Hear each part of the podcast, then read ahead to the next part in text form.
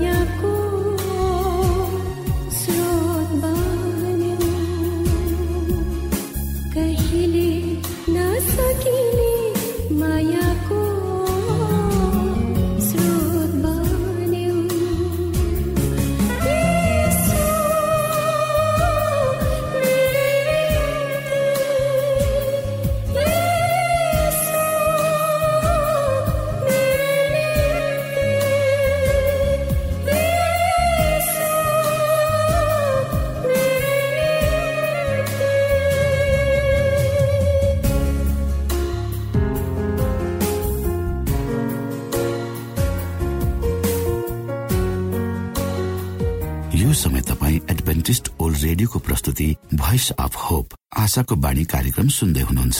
श्रोता मित्र यो समय हामी पास्टर उमेश पोखरेलबाट आजको बाइबल सन्देश सुन्नेछौ। श्रोत साथी न्यानो अभिवादन साथ म तपाईँको आफ्नै आफन्त उमेश पोखरेल समसामयिक विषय लिएर तपाईँहरूको बीचमा पुनः उपस्थित भएको छु।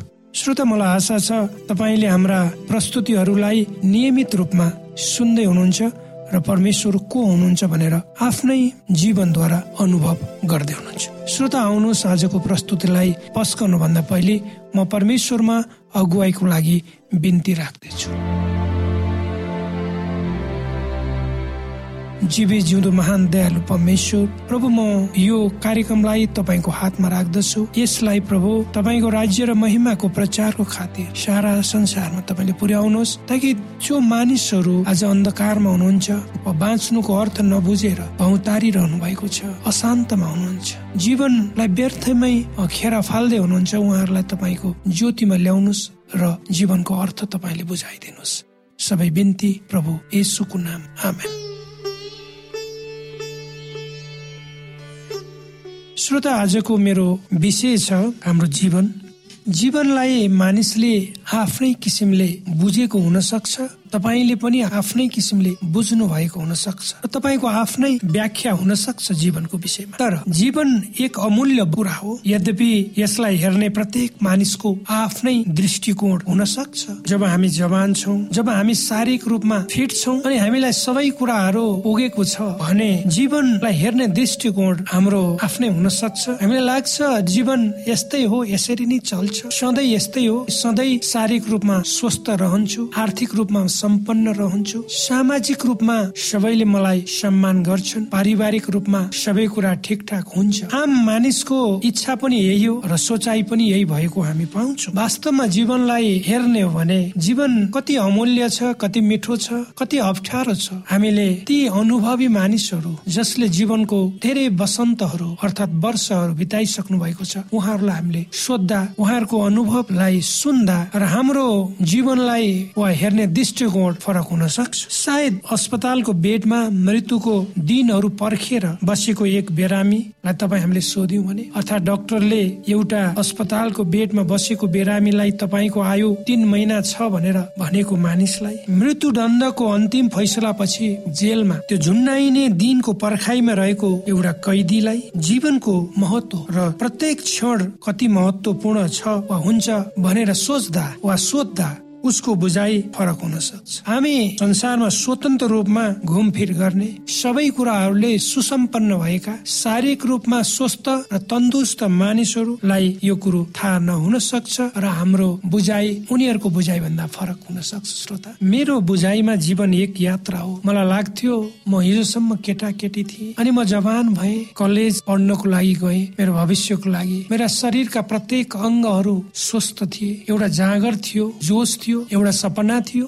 र जीवन एउटा पूर्णतातिर बढ्दै थियो र मैले कलेज छोडेको पनि श्रोता धेरै वर्ष भयो बिसौँ वर्ष भयो। र आज मैले आएर आफ्नो जीवनलाई मैले हेर्ने भने मैले आफ्नो बाल्यकालमा बिताएका क्षणहरू मेरो गाउँ मेरो घर पहाड बेसी मेरो स्कुल अनि मैले बिताएका समयहरू मेरो कलेज जीवनमा मेरो साथी सङ्गीहरूसँग र अहिले तुलना गर्ने हो भने र मेरो जीवनको बुझाइलाई मैले व्याख्या गर्ने हो भने त्यसमा निश्चय नै आकाश जमिनको फरक छ। जति म दिनहरू बिताउँदैछु आफ्नो जीवनका त्यति नै मेरो जीवन प्रतिको बुझाइ भिन्न छ। र मैले बुझ्ने कोसिस गर्दैछु मेरो आफ्नै अनुभवद्वारा आफ्नै जीवन कि जीवन कति महत्वपूर्ण कति आनन्ददायक हुँदा हुँदै कति छोटो र दुःखदपूर्ण छ भन्ने कुरा। तसर्थ जीवन एक यात्रा हो जसले आफ्नो यात्राको क्रममा कयौं रोह अवरोहहरू दुःख कष्ट समस्याहरू अवरोधहरू अप्ठ्याराहरू पार गर्नु पर्दछ चाहे मानिसले चाहोस् अर नचाहोस्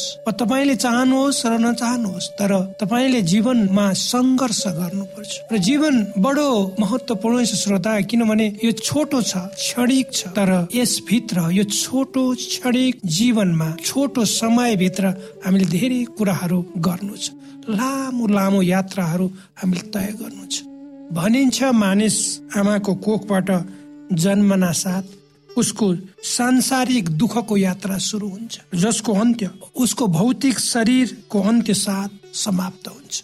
मानिसहरू जन्मने मर्ने र प्राकृतिक नियम हो र स्वाभाविक प्रक्रिया हो। जब एउटा मानिस संसारमा जन्मन्छ आफ्नो जन्म साथ उसले मृत्यु पनि सँगसँगै ल्याएको हुन्छ। तर धेरै मानिसहरूले यो कुरो महसुस गर्दैनन् जब उनीहरू जीवित हुन्छन् कि उसले मर्नु पर्दैन। ऊ सधैँ जीवित रहनेछ। तर जुन दिन त्यो मानिस मर्छ उसलाई थाहा हुँदैन श्रोता ऊ मर्दैछ।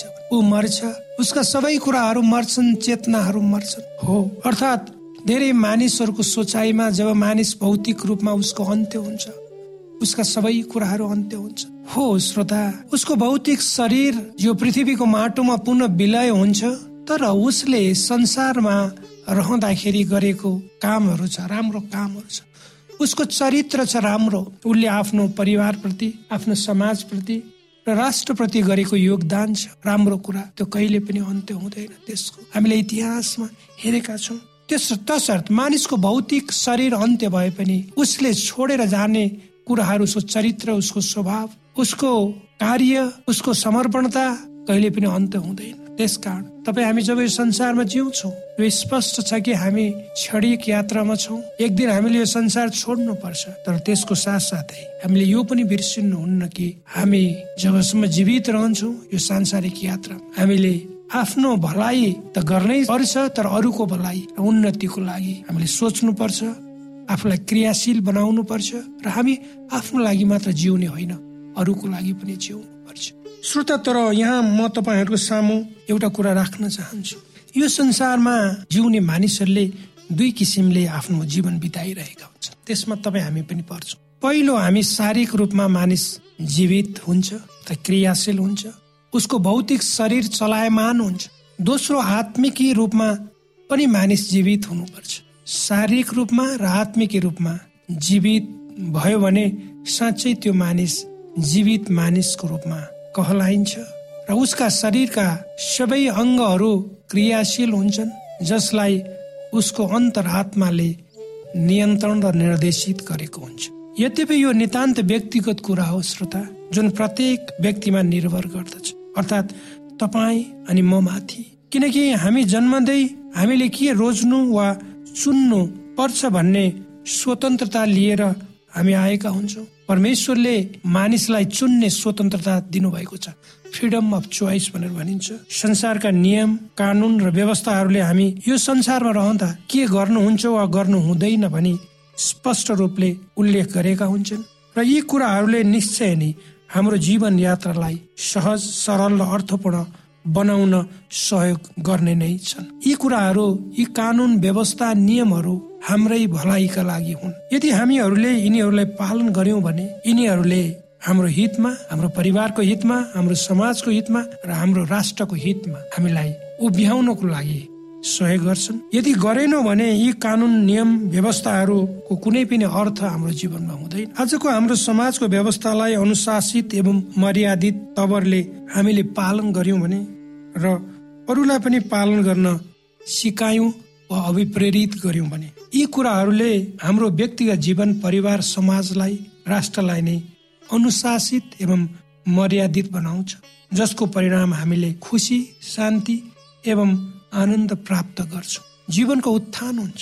त्यसैले समाज राष्ट्रलाई ठुलो योगदान दिन सक्छ। जब मानिस शारीरिक रूपमा जीवित हुन्छ त्यसको अर्थ शारीरिक रूपले तन्दुरुस्त हुन्छ उसका शरीरका अङ्गहरू क्रियाशील हुन्छन्। ती अङ्गहरूले संयुक्त रूपमा उक्त व्यक्तिलाई उसको जीवनलाई सफलताको बिन्दुमा पुर्याउन सहयोग गर्दछ। तर एउटा मानिस सफल हुनलाई उसको शारीरिक वनले मात्र निर्धारण गर्दैन। जबसम्म मानिस आत्मिकी रूपमा जीवित हुँदैन तबसम्म ऊ शारीरिक रूपले तन्दुरुस्त र ठिक पनि हुन सक्दैन। एउटा मानिसलाई शारीरिक रूपमा योग्य बनाई सफलताको कर्मभूमिमा लगाउनको लागि उसमा भएको आत्मिकीपन जीवित हुनु आवश्यक छ। यसको अर्थ उसको जीवनको लक्ष्य उक्त लक्ष्य प्राप्ति गर्ने माध्यम र प्रयास स्पष्ट हुनुपर्छ। अर्थात् उक्त मानिस सही विचारद्वारा दोहोरिएको हुनुपर्छ। जब मानिस आत्मिक रूपमा जीवित रहन्छ तब ऊ स्वभावैले शारीरिक रूपले पनि तन्दुरुस्त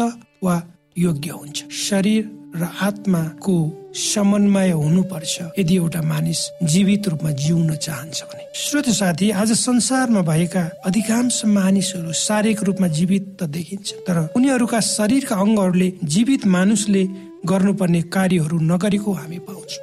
किनकि यी मानिसहरूको आत्मिकी जीवन मरिसकेको छ। अर्थात् धेरै मानिसहरू संसारमा यद्यपि शारीरिक रूपमा जीवित छन् तर आत्मिकी रूपमा ती मानिसहरू मरिसकेका छन्। र जो मानिसहरू आत्मिक रूपमा मृत छन् तिनीहरूको शरीरले एउटा क्रियाशील भएर काम गर्न सक्दैन। मानिस चेतनशील प्राणी ऊ परमेश्वरको हातको उत्कृष्ट सिप पनि हो। यदि तपाईँ र मैले पवित्र धर्मशास्त्र बाइबलले मानिसको सृष्टिको बारेमा के भनेको छ भनेर हेर्यौँ भने हामी स्पष्ट रूपमा थाहा पाउन सक्छौँ। परमेश्वरले मानिसलाई कसरी बनाउनु भयो कति महत्व दिएर बनाउनु भयो आउनुहोस् हामी हेरौँ।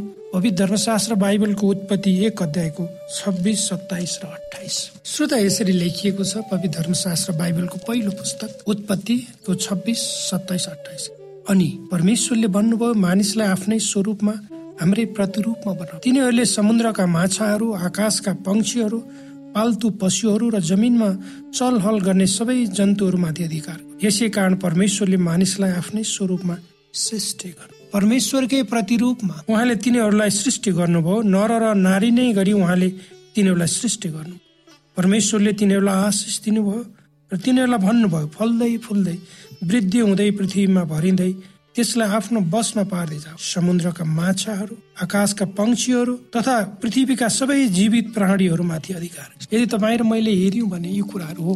परमेश्वरले मानिसलाई अर्थात् तपाईँ र मलाई आफ्नै स्वरूपमा र आफ्नै प्रतिरूपमा बनाउनु। यहाँ शारीरिक स्वरूप भनेर भनिएको छैन श्रोता र यो चाहिँ आत्मिकी स्वरूपमा बनाउनु भयो। वा परमेश्वरको आत्मिकी स्वरूपमा मानिसलाई परमेश्वरले सृष्टि गर्नुभयो। किन भन्दा तिनीहरूले अर्थ हामीहरूले हामी मानिसहरूले समुद्रका माछाहरू आकाशका पंक्षीहरू पाल्तु पशुहरू जमिनमा चलहल गर्ने सबै जन्तुहरूमाथि अधिकार गर्न सक्छ हेर्नुहोस्। परमेश्वरको योजना मानिसप्रति त्यसै कारण अगाडि भनिएको छ उत्पत्ति एकको सत्ताइसमा त्यसै कारण परमेश्वरले मानिसलाई आफ्नै स्वरूपमा सृष्टि गर्नुभयो र परमेश्वरी उहाँकै प्रतिरूपमा नर नारी गरी सृष्टि गर्नु। त्यसपछि यति मात्रैमा सकिँदैन। अगाडि उत्पत्ति एकको अठाइसमा परमेश्वरले तिनीहरूलाई आशिष दिनुभयो र तिनीहरूलाई भन्नुभयो वा मानिसलाई तपाईँ हामीलाई फल्दै फुल्दै वृद्धि हुँदै पृथ्वीमा भरिँदै जाओ। त्यसलाई आफ्नो बसमा पार्दै जाओ। समुद्रका माछाहरू आकाशका पंक्षीहरू तथा पृथ्वीका सबै जीवित प्राणीहरूमाथि अधिकार हेर्नुहोस् यहाँ स्पष्ट रूपमा भनिएको छ परमेश्वरले मानिसलाई कति महत्व दिनुहुन्छ। अर्को कुरो पनि भनिएको छ किन परमेश्वरले मानिसलाई आफ्नै स्वरूप र प्रतिरूपमा सृष्टि गर्नु परमेश्वरले गर्नु भएको सृष्टि छ त्यो सृष्टिलाई संरक्षण मानिसहरूले गरोस्। वा परमेश्वरसँग सङ्गति गर्ने कुरा पहिलो प्राथमिकता परमेश्वरको चाहिँ महिमा गर्ने कुरा त्यसको साथसाथै मानिसले परमेश्वरले गर्नुभएको सृष्टिलाई संरक्षण र सम्वर्धन गर्नुपर्छ। र परमेश्वरले मानिसलाई आशिष दिनुभयो। फल्दै फुल्दै। वृद्धि हुँदै पृथ्वीमा भरिँदै जाऊ र सबै कुरा पृथ्वीमा भएका सबै कुराहरूलाई बसमा पार त्यसलाई संरक्षण गर सम्वर्धन गर त्यसको हेरचाह गर भनेर परमेश्वरले मानिसलाई एउटा म्यान्डेट पनि दिनुभयो। श्रोत साथी तपाईँले आफ्नो जीवनलाई कसरी हेर्नुहुन्छ त्यो त मलाई थाहा छैन। यदि तपाईँले आजको प्रस्तुतिलाई सुन्नु भएको छ सुन्दै हुनुहुन्छ निश्चय नै तपाईँले आफ्नो जीवनलाई हेर्ने दृष्टिकोणमा हिजोको भन्दा आज परिवर्तन हुनेछ भन्ने म विश्वास गर्छु। श्रोता हामी संसारमा त्यसै अचानक आएका होइनौँ। आमाको कोखबाट हामी जन्म्यौँ एउटा परमेश्वरको योजना अनुसार यो संसारमा हामी आएका हौ र हाम्रो आउनुको उद्देश्य भनेको परमेश्वरको योजनालाई हामीले पुरा गर्नको लागि। र यो जीवन बडो महत्वपूर्ण छ क्षणिक छ छोटो छ। र त्यो बिचमा तपाईँ र मैले धेरै कुराहरू गर्नु छ। त्यसकारण श्रोता हामीले आफ्नो जीवनलाई त्यही रूपमा हामी सोचौँ। र हामी आत्मिकी रूपमा र शारीरिक रूपमा हाम्रो जीवन कसरी जिएको छ हामी जिउँदैछौँ त्यो कुरो पनि हामीले मूल्याङ्कन गरौँ र सोचौँ यदि तपाईँ र मेरो आत्मिकी जीवन मरेको छ आत्मिकी जीवनमा तपाईँ हामी कमजोर छौँ भने त्यो जीवनलाई हामीले पुनः जीवित बनाउनु पर्छ त्यसको लागि हामीले परमेश्वरसँग गुहार माग्नुपर्छ परमेश्वरसँग सहायता माग्नुपर्छ र आफ्नो जीवन परमेश्वरतिर फर्काउनु पर्छ आजै तपाईँले त्यो गर्न सक्नुहुन्छ। आजको प्रस्तुति तपाईँलाई कस्तो लाग्यो? तपाईँका कुनै जिज्ञासाहरू छन् र प्रश्नहरू छन् भने कृपया गरेर यो कार्यक्रमको अन्त्यमा हाम्रो पत्र व्यवहारको वा सम्पर्कको ठेगाना हामीले दिन्छौँ त्यसमा तपाईँले सम्पर्क गर्न सक्नुहुन्छ। परमेश्वरले तपाईँलाई आशिष दिनुहोस्।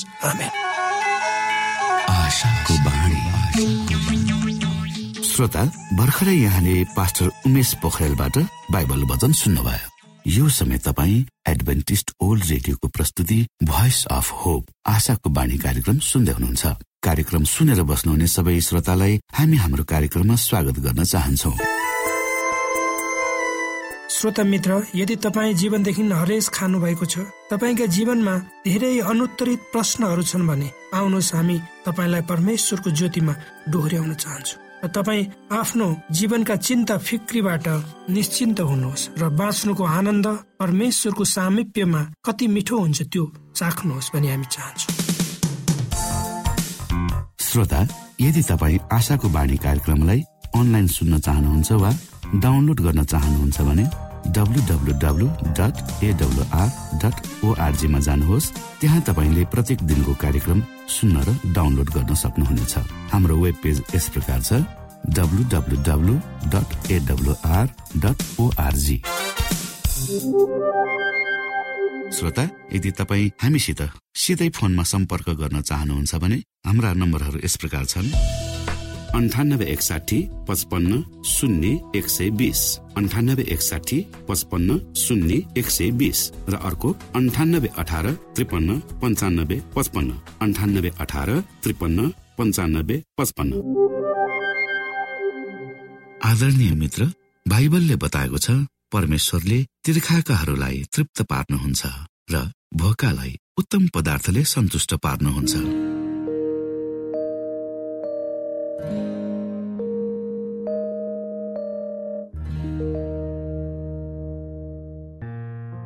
हामीलाई दिइएको यो छोटो समय आशाको बाणीको प्रस्तुतिको समयमा हामीले हाम्रा श्रोताको आत्मिक भोकलाई केही मात्रामा भए तापनि सही प्रकारको खोराक पस्केर आत्मिक सन्तुष्टि दिन सकेका छौँ केही ऊर्जा थप्न सकेका छौँ भनेर हामीले आशा राखेका छौँ।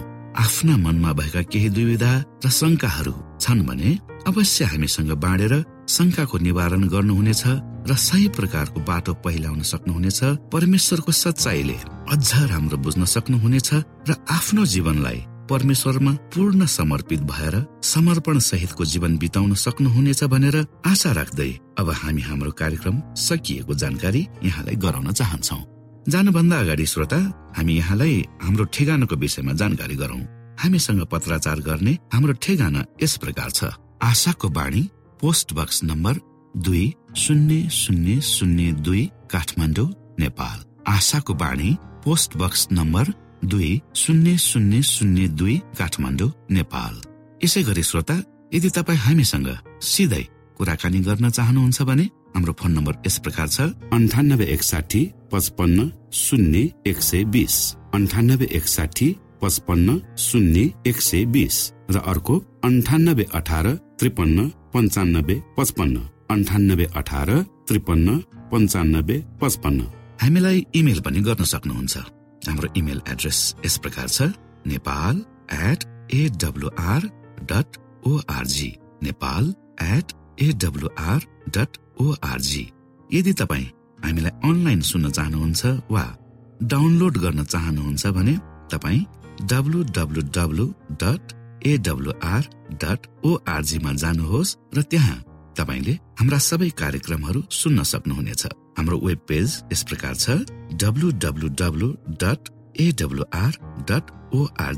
श्रोता यसमा गएर तपाईँले हाम्रा दैनिक कार्यक्रमलाई सुन्न सक्नुहुनेछ र डाउनलोड पनि गर्न सक्नुहुनेछ। हवस् त श्रोता हाम्रो कार्यक्रम सुनिदिनु भएकोमा एकचोटि फेरि यहाँलाई धन्यवाद दिँदै भोलि फेरि यही स्टेशन यही समयमा यहाँसँग भेट्ने आशा राख्दै प्राविधिक साथी राजेश पास्टर उमेश पोखरेल र कार्यक्रम प्रस्तुता म रवि यहाँसँग विदा माग्दछौ। परमेश्वरले तपाईँलाई धेरै धेरै आशिष दिनुभएको होस्। नमस्कार।